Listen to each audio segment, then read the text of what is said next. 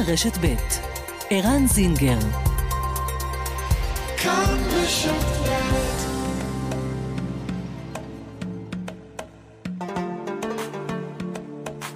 מרחבת, מגזין לעניינים ערביים בארץ ובעולם, עם ערן זינגר. مرحبت مجلة تتناول شؤون العرب في البلاد والعالم مع عيران زنجر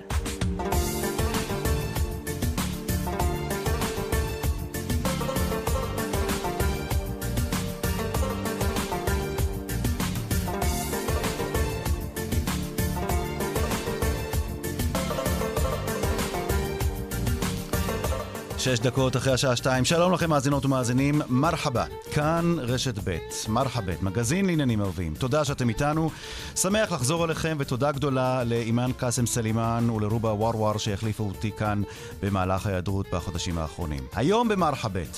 כולם מדברים על אפשרות לסבב בחירות שלישי בחודשים הקרובים. האם הדבר ישרת את האינטרסים של הציבור הערבי ושל הרשימה המשותפת, או אולי דווקא יזיק להם? שלושה ימים ישבו מנהיגי החברה הערבית באוהל המחאה מול משרד ראש הממשלה בירושלים כדי למחות על אוזלת היד בטיפול באלימות המשתוללת ביישובים הערביים. רבים באו להזדהות, ערבים ויהודים, ובהם גם חברי כנסת, ולא רק מהשמאל. נשוחח עם אחד מהם. האלימות בחברה הערבית מסוכרת בהרחבה בשבועות האחרונים בתקשורת העברית. איך עושים זאת בכלי התקשורת הערביים? נבדוק. מרחבת, העורכת שושנה פורמן, המפיקה איילת דוידי, טכנאי השידור רומן סורקין. אבל אה, לפני הכל, נפתח בנושא שלא זוכה לסיקור נרחב בתקשורת העברית. שבעה חודשי מאסר נגזרו על תושב הנגב, איימן אבו סקק. הוא הורשע בעבירה של פוליגמיה. ריבוי נשים.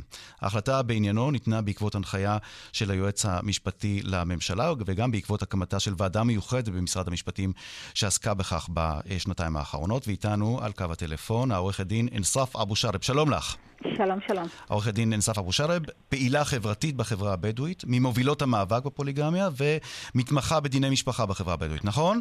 נכון, נכון. את יודעת מה, אולי קצת... אה, אה, לפני שנדבר על, על, אמ, על ההחלטה אה, ועל התקדימיות של ההחלטה הזאת בעניינו של אותו אמ, גבר שהורשע בריבוי אה, נשים, אם את יכולה לתת קצת תמונת מצב, מה המספרים, או ככל הידוע לך, אה, מה אומדן המספרים של גברים שנשואים ליותר מאישה אחת בחברה הבדואית ובכלל בחברה הערבית? מדובר על 20% אה, מהמשפחות הפוליג...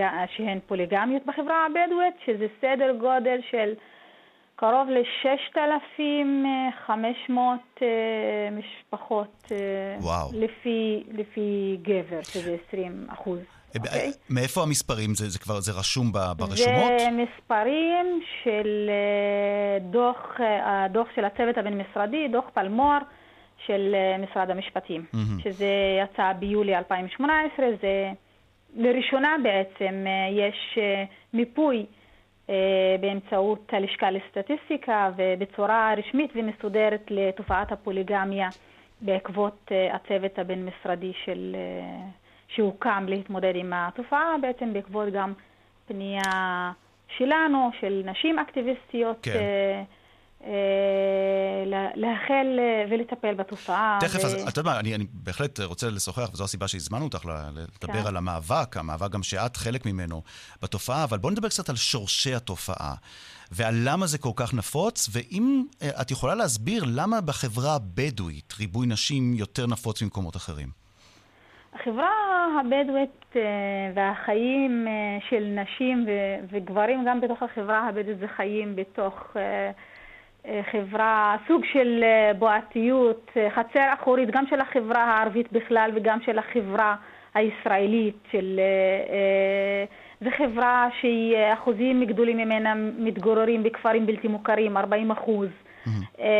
בלי תשתיות, בלי מוסדות, בלי נגישות לשירותים מאוד מאוד בסיסיים. ובמקרים כאלה אה, הנשים והילדים אה, שהם החוליה החלשה ביותר הם אלה ש, שנפגעים כתוצאה מהיעדר שירותים, אה, היעדר מודעות, היעדר נגישות, אז זה סוג של מערב פרוע של הכל, הכל מותר לפי המסורת, והמסורת שמנחה כאן זה בעצם מה שהגברים והפטריארכיה מכתיבה. זה, אני, אני רואה את התופעה כי, כי הסמכות האחרונה שנותרה לגברים הבדואים בתוך השבט, mm-hmm. בתוך השבט. אם נשים מוכות כיום כבר פונות למשטרה ולא, אוקיי, וזה כבר לא טאבו, הפוליגמיה עדיין נתפסה כמשהו לגיטימי ועדיין נתפסת אצל הרבה אה, אנשים ונשים או, כי, רגע, כי, הנה, כי, רוצה... כנלגיטימית, או, כנורמה, אז בוא ולא נת... בוא כעבירה נתמקד על כאן, החוק. כי זאת סוגיה ממש מעניינת. זאת אומרת, יש גם נשים שבעינן זה בהחלט. עדיין לגיטימי. האם נכון. את, האם את, אה, אינסף אבו שרלב, עורכת דין אה, אבו שרלב, אני הייתי רוצה שנייה ברשותך גם כן. להמשיך, כי הגורמים הם לא קשורים רק גם אוקיי, אתה יודע בחברה אז ובמבנה. שלה, הם גם קשורים בעצימת העיניים של המדינה כזה. ושל השלטון, אוקיי. שלא רצה לטפל בתופעה. אז תכף 70 נדבר- שנה לא רצה לגעת. אבל הנה, 70 שנה, אבל הנה בשנתיים האחרונות אנחנו רואים שיש צוות בין-משרדי שעובד, ואת היית גם חברה באותה ועדה, נכון. ודברים מתחילים להשתנות. תכף. את יודעת מה, את תמשיכי מיד ותספרי. אה, אה, על עוד גורמים לכך שהפוליגמיה לא נעלמת אה, מהתמונה כאן בחברה הישראלית, ואני כבר מכין אותך לשאלה הפרובוקטיבית שלי. מה הבעיה שגבר יישא שתי נשים אם עד עכשיו לא רק הגברים רצו בכך, אלא גם נשים היו מעוניינות בכך? אז תכף נדבר על השאלה הלגיטימית, על השאלה הפרובוקטיבית הזאת, אבל בואי בבקשה דברי על, הגו- על אני הגורמים. לא אמרתי שנשים מעוניינות בזה, אני רוצה לתקן, זה, זה נתפס בגלל שאין אין איסור ואין פעולה. פעולה נגד, אז זה נתפס כמשהו לגיטימי. אוקיי. לגיטימי לעשות, כי אף אחד לא אומר משהו בין, שעושה דברים שהם כדי לראות את זה ולתפוס את זה כמשהו אה, אה, לא לגיטימי. וחוץ מזה, נשים בתוך החברה הבדואית אה, הרבה מהנשים שמצויות בתוך המעגלים של הפוליגמיה זה נשים שהן אה, לא עובדות, נשים מובטלות, נשים שהרבה מהן חיות על גמלאות המוסד לביטוח לאומי, זה נשים שלא למדו אנאלפביתיות, זה, זה מתוך מצוקה. אה, הנשים הבדואיות, אה, אלה שנישאות כנשים שניות, הרבה מהן, אוקיי, אני לא אגיד את, הכ, את הכל, אבל הרבה מהן זה בגלל מציאות החיים שלהם והמצב שלהם, החברתי-כלכלי שלהם, אז הן מוצאות את עצמן גם בתוך אה, תא פילוגמי. חלק מהן גם אין להן את הזכות לבחור, הרבה, או להגיד לא, אני לא רוצה. אז זה לא בדיוק רצון להיות בתוך משפחה איך פוליגמית, אלא מחוסר ברירה. אין, אין, אין אה, הזדמנויות אחרות, או אין אה, אה, אה, מצב אחר שהיא יכולה, בוא נגיד, להתקדם, אה, ללמוד, לעבוד. אנחנו גם יודעים על הנתונים של, אה, של העסקה אצל נשים, ו, וגם מצב של העוני אצל נשים, שזה אהה. פשוט נתונים של... אה, מעל 70% מהנשים שרויות במצב הישרדות כלכלית יומיומית, אבטלה, רק 25% מהנשים הבדואיות מועסקות. זה צריך שינוי מאוד מאוד אה, רציני בכל הכיוונים, וזה בעצם מה שהצוות אוקיי. הבין-משרדי התמודד ו- ודן אני רוצה אבל ובדק. לשאול אותך עכשיו, עורכת דין אה, כן. אבו שרלב, מה אה, עושה פוליגמיה לתא המשפחתי? מה היא עושה לילדים?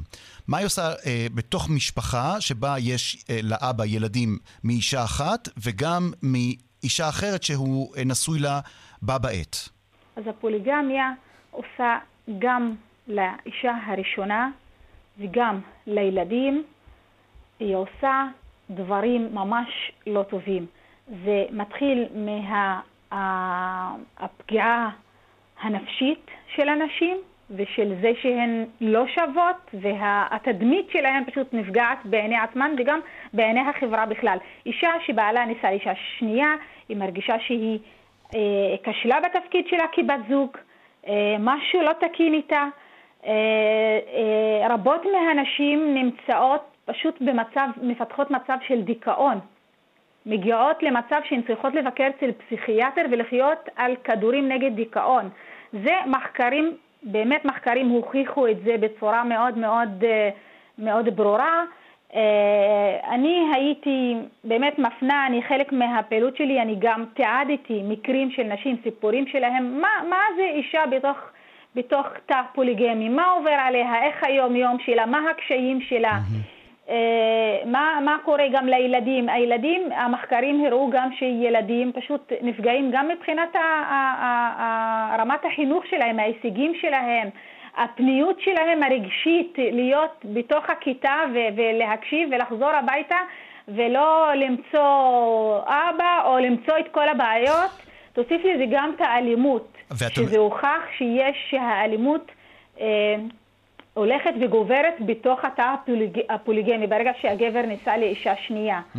אז אה, יש קשר מאוד מאוד ברור. גם נשים שלא חוו אלימות מהבן זוג, כן. הסיכוי שלהם לחוות ברגע שהוא נישא לאישה שנייה הוא הולך וגדל, כי פתאום רבים על אותם משאבים. Uh-huh.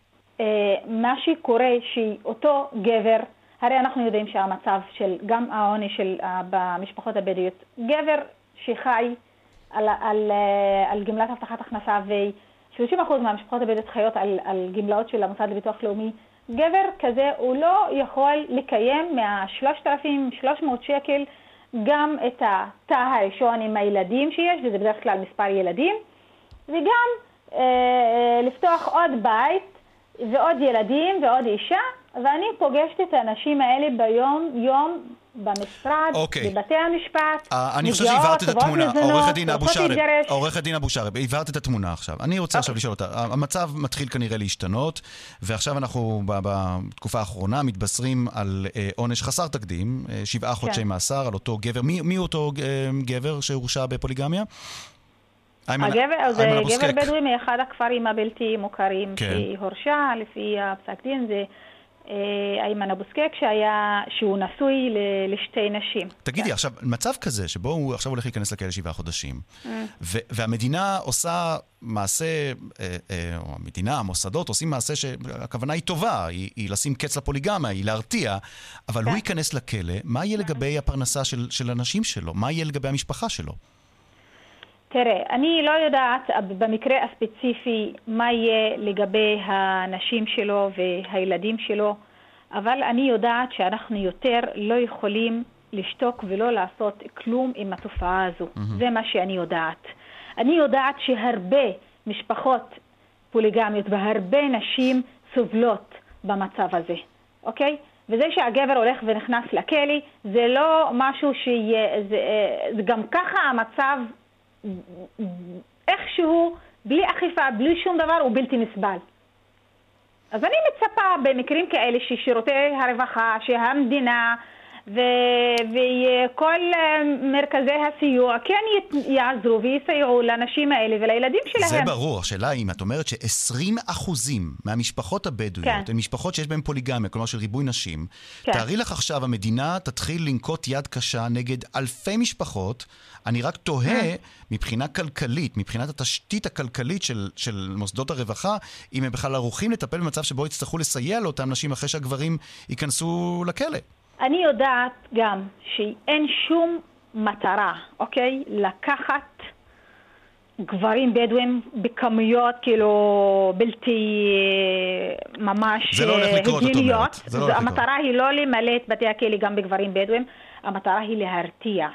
ואני יודעת שהפרקליטות וגם משרד המשפטים אה, שותפים לעמדה הזו, ואנחנו רואים, כאילו, עד היום זה מדובר בעשרות תיקים. שהוגשו בהם כתבי אישום. כי המטרה היא לא, לא לה, רק להעניש, המטרה היא להרתיע, זאת, זאת המטרה, כאן, לראות מגמה של שינוי. ושזה... את מרגישה שהסיפור הזה, שההרשעה של אותו גבר וההחלטה לשלוח mm. אותו לשבעה חודשי מאסר, היא בבחינת שינוי בחברה הבדואית? בהחלט, כן. זה בבחינת שינוי, זה, זה, חל, זה נדבך נוסף במאבק בתופעה. אכיפה היא חלק מאוד מאוד נדרש גם. זה מאוד חשוב, כן. טוב. בהחלט. אני חושבת שגברים יחשבו, יחשבו פעמיים, הרבה גברים יחשבו פעמיים כתוצאה מההרשעה. כן, זה לא מובן מאליו שגבר שעד עכשיו חשב שהוא ועד היום מאמין שהוא לא עבר עבירה על החוק, נכנס לכלא למאסר בפועל. יש לזה אפקט מאוד רציני של הרתעה. וזאת נושא, המטרה. נושא חשוב מאוד. אה, מאוד חשוב, אנחנו ממשיכים, את יודעת מה, נעקוב איתך, נראה עד כמה באמת ההרתעה תבוא לידי ביטוי, והאם אה, נראה במהלך החודשים, השנים הקרבות, שינוי במגמה הזאת של מה שקשור לריבוי נשים בתוך החברה הבדואית. העורכת דין אנסף אבו שרב, ממובילות המאבק בחברה הבדואית נגד תופעת ריבוי הנשים, תודה רבה לך שהיית איתנו. תודה, תודה. פרסומת ומיד שווים. כאן מרחבת.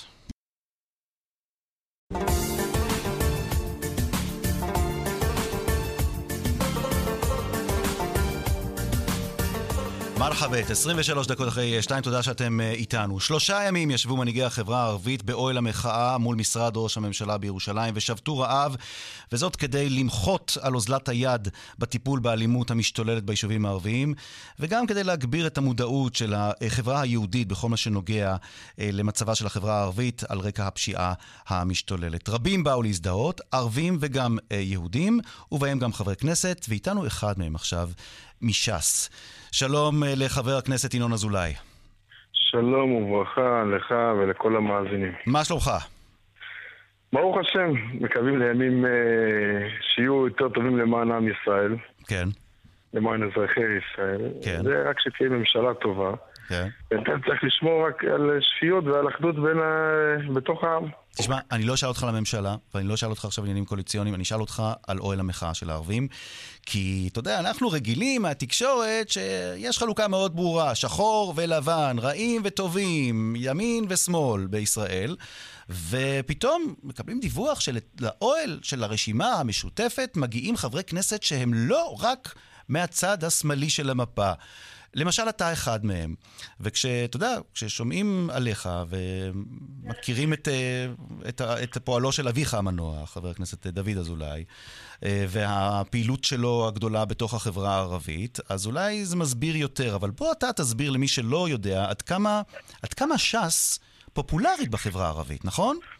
כן, קודם כל, כי בצלם אלוקים נברא אדם. אז uh, הקדוש ברוך הוא ברא את כולם, אז צריך לכבד. לא כל uh, אדם שהוא לא יהודי, הוא רוצה להרוג אותי והוא מחבל. זה ממש לא כך.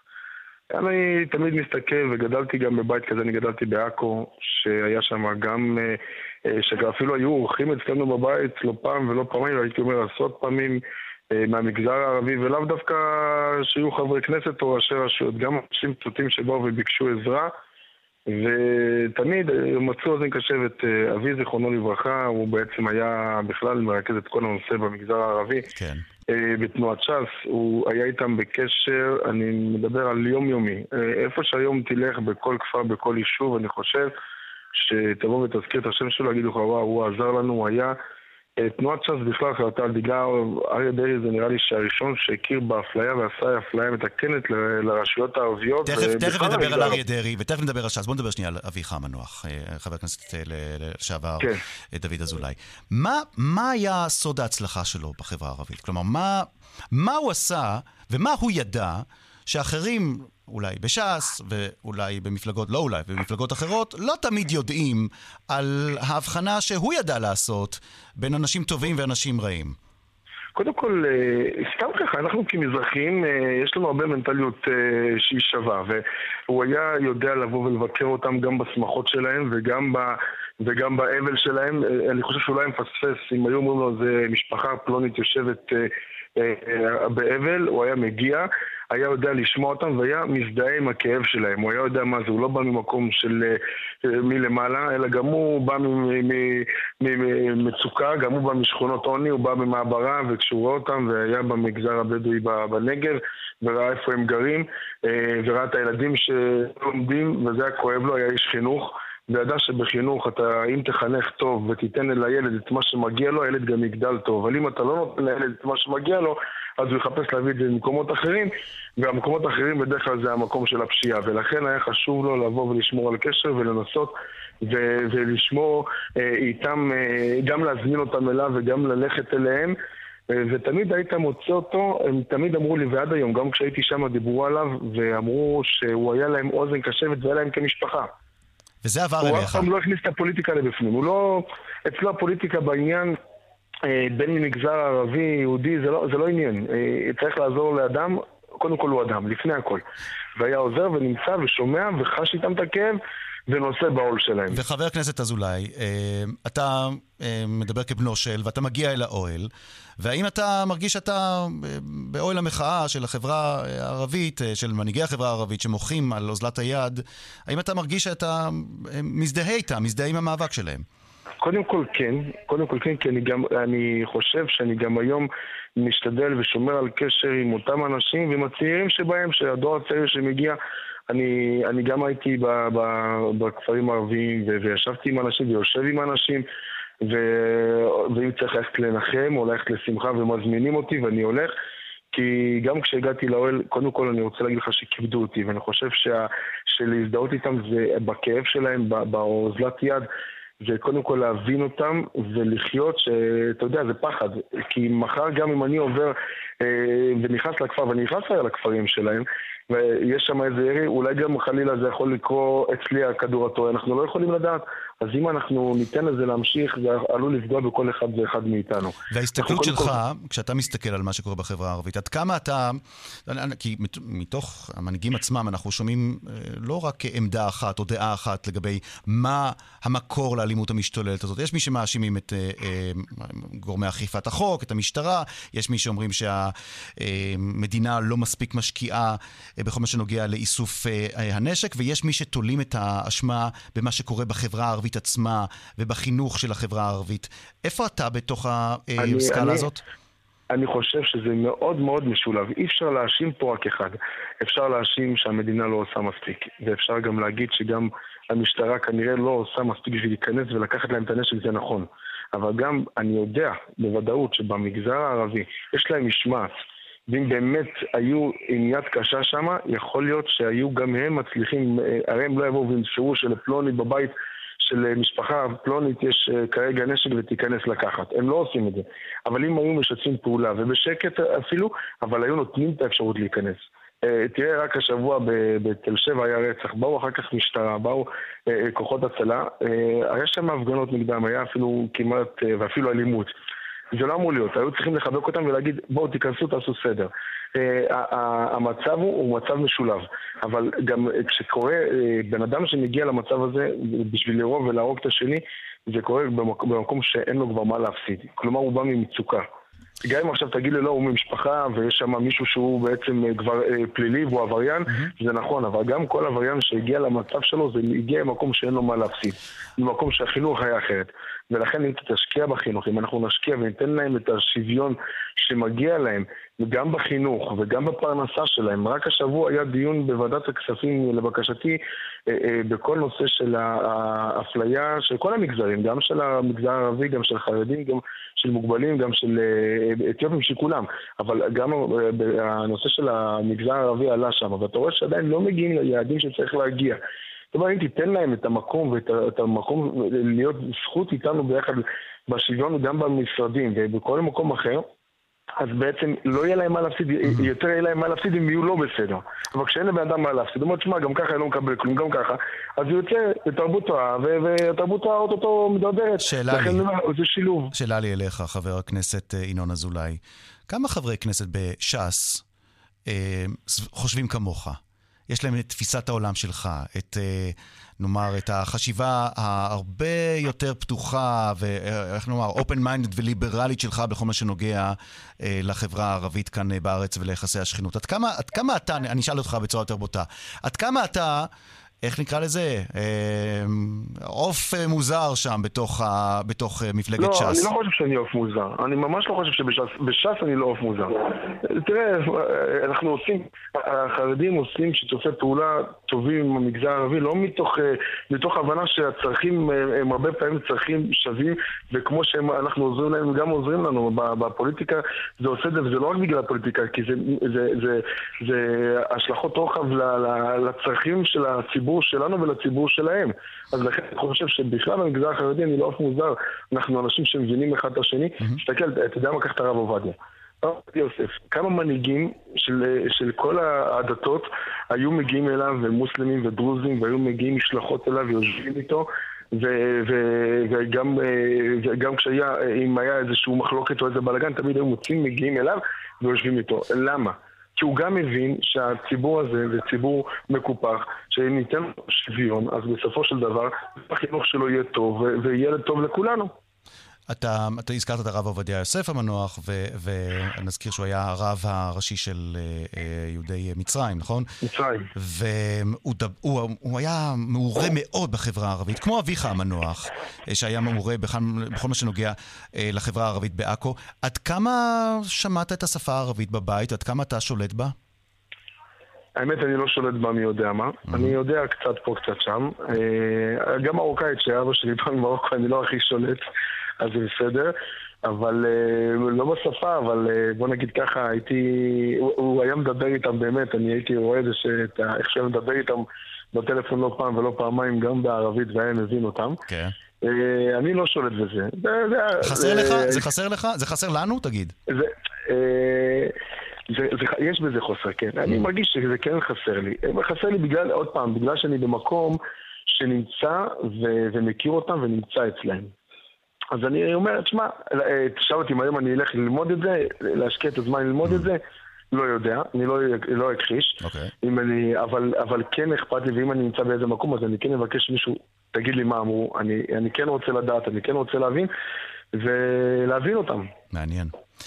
מעניין, אה, בהחלט אה, זווית מעניינת למחאה של הציבור הערבי, של ההנהגה הערבית, וגם נציין שחוץ ממך גם חבר הכנסת משה ארבל, נכון? מש"ס. גם היה, כן. גם הוא כן. בא לבקר באוהל המחאה אה, כך אה, מעדכן אותי עכשיו אה, כתבנו עקיבא וייס. חבר הכנסת ינון אזולאי מש"ס, תודה רבה לך שהיית איתנו ותודה רבה שהשמעת... אנחנו נמשיך להיות אוזן קשבת לכלל עם ישראל ותודה רבה גם לכם. תודה, בהחלט מעניין. בשורות טובות, להתראות.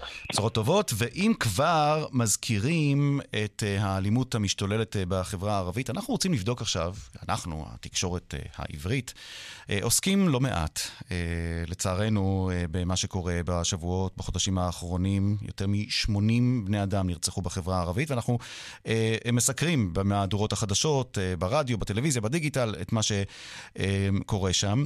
אבל מעניין קצת אה, לראות זווית אחרת, איך זה מקבל ביטוי בתקשורת בשפה הערבית, ואיתנו כעת על קו הטלפון מוסטפא שלארטה, שלום לך.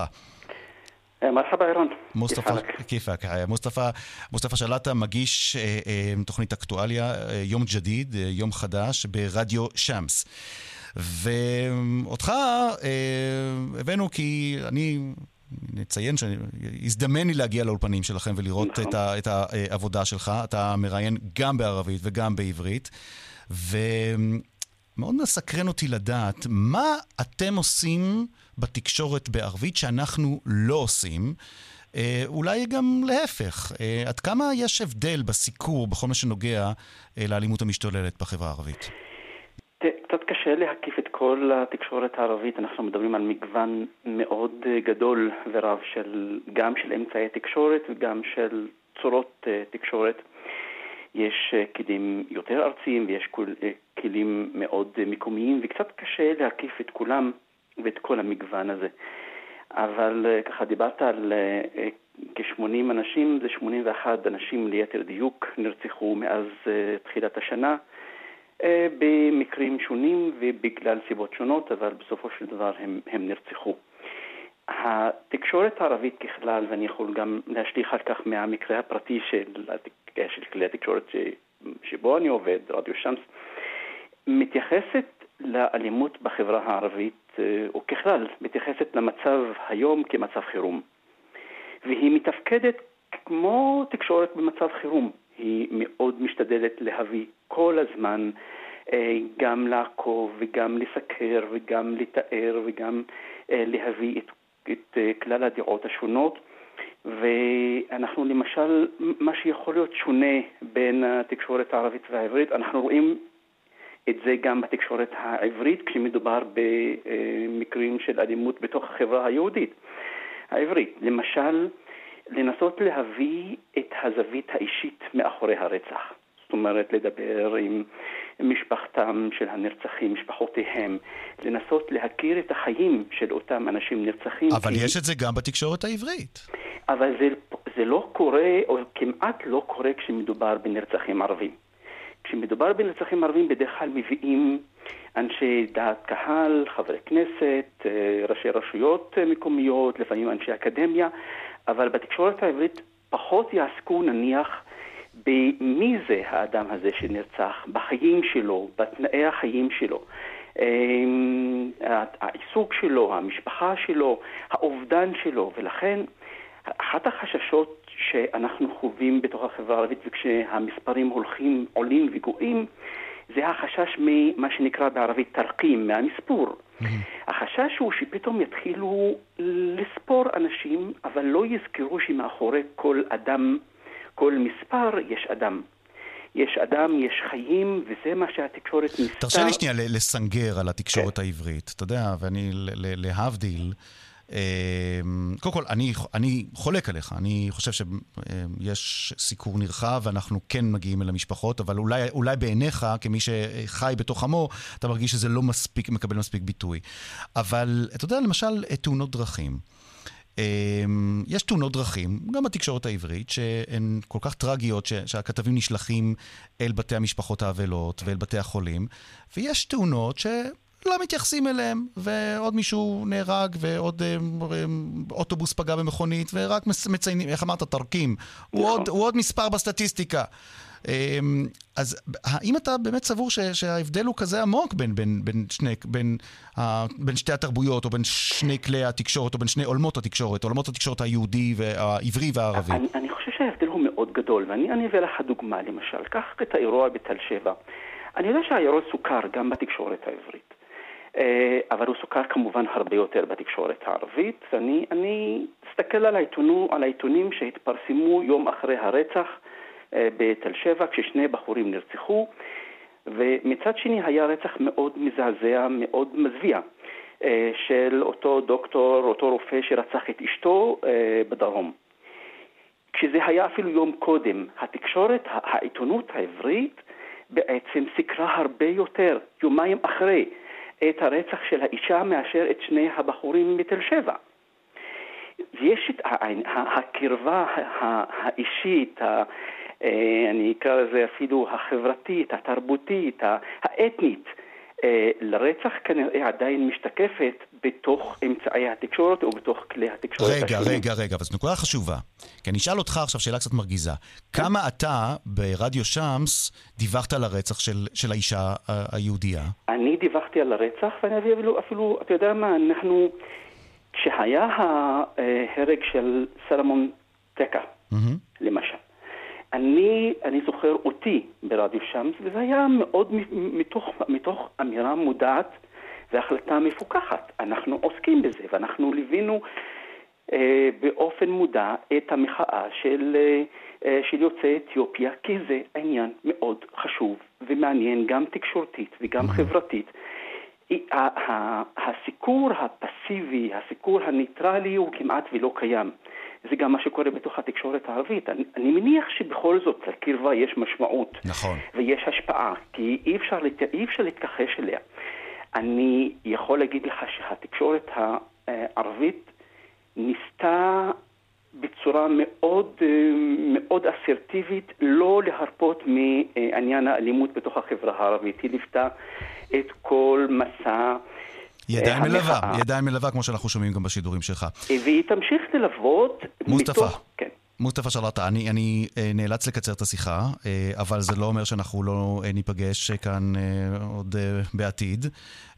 אבל ההסבר שלך היה מעניין מאוד על הפערים, הפער בסיקור של מה שקורה בחברה הערבית בין התקשורת העברית לתקשורת הערבית. מוסטפא שלטה, מגיש התוכנית יום ג'דיד, יום חדש ברדיו שמס. תודה רבה לך. יעתיק אלעפי. אמ, פרסומת, מיד אחרי הפרסומת, אמ, צמד הפרשנים שלנו אה, ידבר על בחירות שלישיות, האם זה טוב או רע לערבים אה, בישראל. כאן רשת ב'.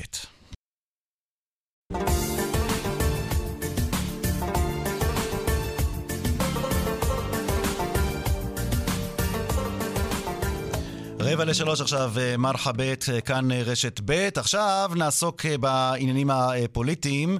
ובשאלה, האם אפשרות לבחירות חדשות בפעם השלישית בתוך שנה היא לטובתם או לרעתם של הערבים, או לטובתה או לרעתה, ליתר דיוק, של הרשימה המשותפת? יואב שטרן, מוחמד מג'אדלה, שלום לכם.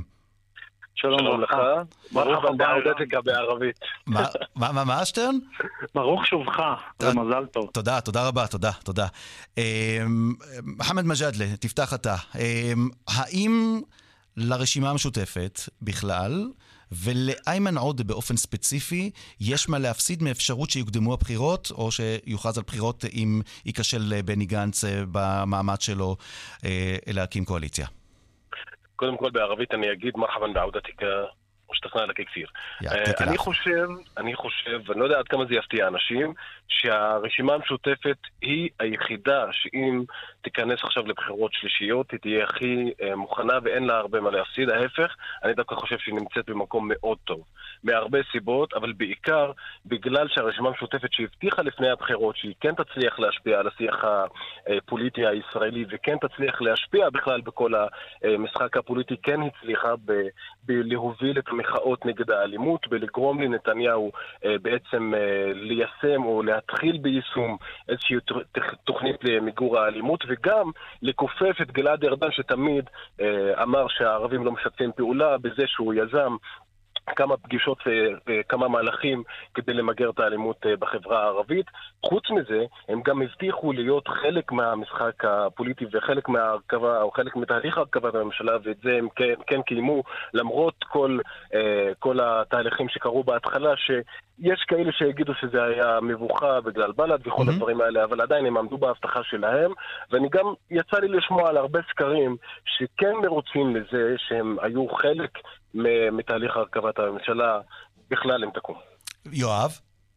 אה, ראשית, אני מסכים מאוד עם מוחמד. אני חושב שהרשימה המשותפת הוכיחה בזמן האחרון שלמרות שיש בתוכה חילוקי דעות, ולמרות שבל"ד למשל אה, חושבים אחרת מהאחרים, הם שמרו על הדרך שלהם ביחד, וזה דבר שהוא לא מובן מאליו כשיש כאלה חילוקי דעות לגבי המשחק הפוליטי.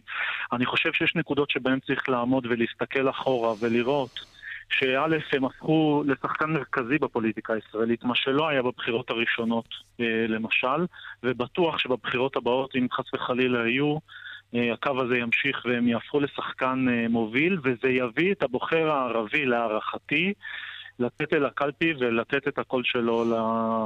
ל... ל... לרשימה המשותפת או לרשימות אחרות, להשתתף במשחק הפוליטי.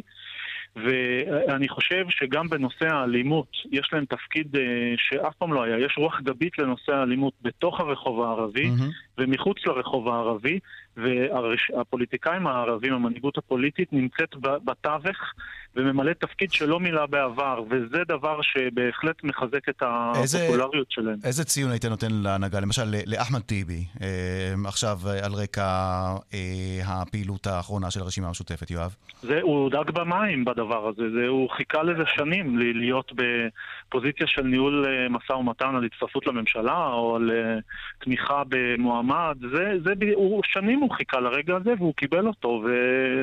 והוא באמת שוחה שם היטב, וגם כל הפוליטיקאים היהודים אה, מכירים אותו ונוח להם לעבוד איתו. אה, למרות שאיימן עודה הוא ראש הרשימה, אבל זה דומה, נדמה ששניהם ביחד משתפים פעולה יפה. בואו בוא נקפיד פה, אני לא רוצה להסתבך לא איתו ולא איתו, הם יושבי ראש משותפים, נכון? כן, אבל כל אחד בא ממקום אחר, כן. והם אה, כלפי חוץ משתפים פעולה, תוך כדי זה שהם לא שוברים את הכלים עם בל"ד. זה דבר מאוד מאוד לא מובן מאליו. זהו, אני רוצה לשאול אותך, חמד מג'אדלה, תסביר את השתיקה של בל"ד. הרי אנחנו התרגלנו בעבר שבל"ד היא תמיד, איך, מה המילה העברית? לעומתית. תמיד בל"ד תבוא ותפנצ'ר את הגלגל בעלייה כשמגיעים אוטוטו ליעד, נכון? טוב, קודם כל זה שני ח"כים חדשים, בואו לא נשכח. הם עדיין לומדים את המערכת, הם עדיין מנסים uh, גם uh, להיות uh, דומיננטים, אבל אין מה לעשות, הניסיון והכישרון שגם יש לטיבי. וגם לאיימן עודה, שהוא מצליח להוכיח בתקופה האחרונה שהוא כן נמצא שם והוא כן מצליח להוביל את הדברים, זה משנה את זה קצת. חוץ מזה, אני חושב שהוויתור של, של שלושת המרכיבים, ואני מדבר פה על איימן עודה, מנסור עבאס ואחמד טיבי, למה שהיה, למבוכה שהייתה אצל ההמלצה אה, במעמד הנשיא, גרם גם לבל"ד להבין שהם התגמשו הפעם, בפעם הבאה זה לא יהיה ככה, ולכן חשוב לשמור על המיקום שלהם okay. ועל אוקיי. המעמד שלהם ברשימה המשותפת. היה ויתורים, ואני יודע, וגם מקרוב, שהייתה ישיבה אחרי מה, ש... מה שהיה אצל הנשיא, שהובהרו הדברים, ובבל"ד התחייבו שהם כן יתמכו בכל מעניין. דבר שיתקבל שם אה, ברוב ולא, ולא אה, בקונצנזוס. חברים, זה היה קצר, אבל אתם יודעים, אנחנו עוד ניפגש, יהיו לנו עוד הרבה הזדמנויות, ואם יהיו עוד אה, בחירות, אז בכלל יהיו לנו עוד הרבה הזדמנויות. מוחמד מג'אד ליואב שטרן, תודה רבה לכם. תודה רבה. ולקראת סיום, אימאן קאסם סלימאן, שלום. שלום לך ערן, אהלן וסהלן, אני רציתי להודות לך אישית, ולכן ביקשתי לשוחח איתך לקראת אה, סיום השידור על ההחלפה כאן אה, בחודשים האחרונים. מה שלומך? אני בסדר, והתגעגענו אליך, וכולם שאלו עליך, ואני שמחה שחזרת, ונעים לשמוע אותך בתוכנית. תעזבי אותי, איך היה לך? היה לי חשוב. כי זה לשדר בעברית לקהל אה, אחר, למרות שתדע, יש האזנה מאוד גבוהה לתוכנית גם בקרב החברה הערבית. אני יודע, האזנה אדירה אבל... גם, בעבר... גם בחברה העברית וגם בחברה הערבית. כן. נכון, כן. אבל uh, לשדר לחברה היהודית, לחברה, לדוברי העברית, זה, זה לא רק תוכנית רדיו, זה, יש פה גם בניית גשר. זה מין שליחות כזאת. להראות פן אחר של החברה הערבית. תני לי דוגמה לתגובות שקיבלת במהלך ראיונות שהיה בהם, בהם מטען אה, רגשי, שהיה בהם עניין טעון בתוך החברה הערבית. לא, אני אגיד לך, בכללי, מה שבאמת אה, אהבו כל הדמויות האלה שאנחנו הצגנו, שלא ידעו, של מצליחנים, של אקדמאים, של כאלה שמדברים עברית רהוטה, של חוקרים, שמי שכותבים מאמרים, מרצים.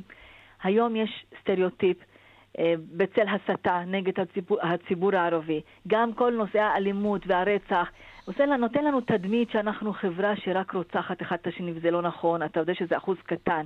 אז מה שעשינו במרחבת, זה הבאנו את הפן האחר, החיובי והיפה של החברה הערבית, וגם הצד הזה שאומר, אנחנו רוצים להתחבר, רוצים ביחד לבנות את עתיד אה, ילדינו, עתיד החברה פה לכולם.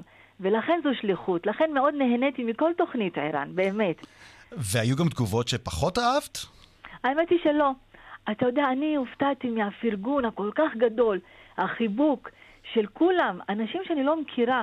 מהחברה היהודית שולחים לי ומפרגנים ומודים על התוכנית וטוב שידענו שככה ותודה שאמרת לנו שככה. אתה מרגיש שיש פה מקום אה, להגיד יותר, שכל צד יכיר את הצד השני. וזוהי גדולתה של תוכנית מרחבת. וברשת ב', שנותנים את הבמה הזאת. תגידי, מה קל לך יותר, או אני אשאל את זה הפוך, מה קשה יותר? לראיין בעברית או לעשות את זה בערבית? אה, האמת היא שבעברית זה, לא שזה יותר קשה, אבל זה צריך לעשות את הסוויץ' ולזכור שאני מראיינת בעברית, לא מבחינת השפה, להיכנס לראש של המאזין היהודי בעיקר, ולשאול את השאלות שהוא רוצה mm-hmm. לשאול, שהוא היה רוצה לדעת. שלא בהכרח מעניינות אותך, או, ש- או שאצלכם, אצלך התשובה כבר ידועה, אבל הוא לא יודע. דברים למשל מבחינתי שהם מובנים מאליו, כן. אבל אני צריכה לשאול כי המאזין לא יודע. אז פה זה הכל, זה, זה פשוט להיכנס לדמות אחרת. והיו כמה קטעים מצחיקים שהעלו לי מרואיין ערבי, שאני מראיינת אותו בכל ישראל בערבית, במכאן, ואז הוא מתחיל לדבר איתי בעברית, בערבית, ואני אומרת לו, לא, לא, תעשה סוויץ', תדבר בעברית, כי אני ואתה עכשיו ברשת ב'. היו כמה קטעים גם מצחיקים, וזה היה כיף. אבל הכי כיף זה שאתה חזרת, ערן, ואני שמחה שאתה ממשיך עכשיו ב... וכל הדבר, העשייה הנהדרת הזאת עם שושנה ועם איילת, וכולם אוהבים אותך. הן מחכות פה והן שמחות. יש לי עוד שאלה אחת לפני uh, סיום. כן. Uh, שמתי לב שמגישים בערבית פחות ופחות מוצאים uh, דוברים ערבים שמדברים בערבית באופן מוחלט ותמיד משחילים איזה מילה בעברית. זה עדיין קורה לך? כאילו, התקלקלנו. תשמע, כל העניין הזה של שפות זה כל כך מעורבב. אה, אבל זה בסדר, תשמע, אני לוקחת את הדברים בקלות, שגם מרואיין בעברית משחיל מילים בערבית, וגם מרואיין בערבית משחיל מילים בעברית, וזה אחלה, זה מה שנקרא, לחיות ביחד. אחלה. אה, אימאן קאסם סלימאן, תודה רבה על ההחלפה כאן אה, בתקופה הזאת. תודה לך, וכמו שתמיד אמרתי, שיהיה לכולם סוף שבוע נעים ושבת שלום. תודה, תודה אימאן מרדיו מכאן. אנחנו ברדיו כאן, כאן רשת ב', תודה רבה. שושנה פורמן שערכה את מלחה ב'. איילת דוידי הייתה המפיקה, הטכנאי שידור רומן סורקין, אני רן זינגר. אנחנו נשוב אליכם גם בשבוע הבא. תודה רבה לכולם על התגובות המאוד יפות שקיבלתי כאן במהלך ההיעדרות. כיף לחזור. כאן רשת ב'.